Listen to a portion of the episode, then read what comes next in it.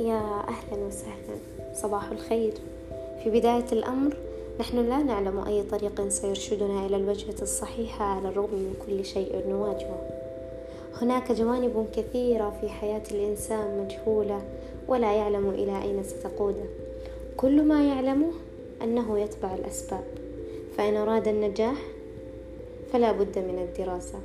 وإن كان يريد أن يحقق شيئا فعليه أن يعمل لتحقيق ذلك الشيء. وأما عن بودكاست فأتبع سببا فإنه الوسيلة الوحيدة التي ربما تكون نقطة تحول أو فارق في حياتي. فإني أتبع الأسباب وأبذلها لأني لطالما تمنيت أن أكون هكذا وها أنا أبذل الأسباب لعلي أبلغ مناي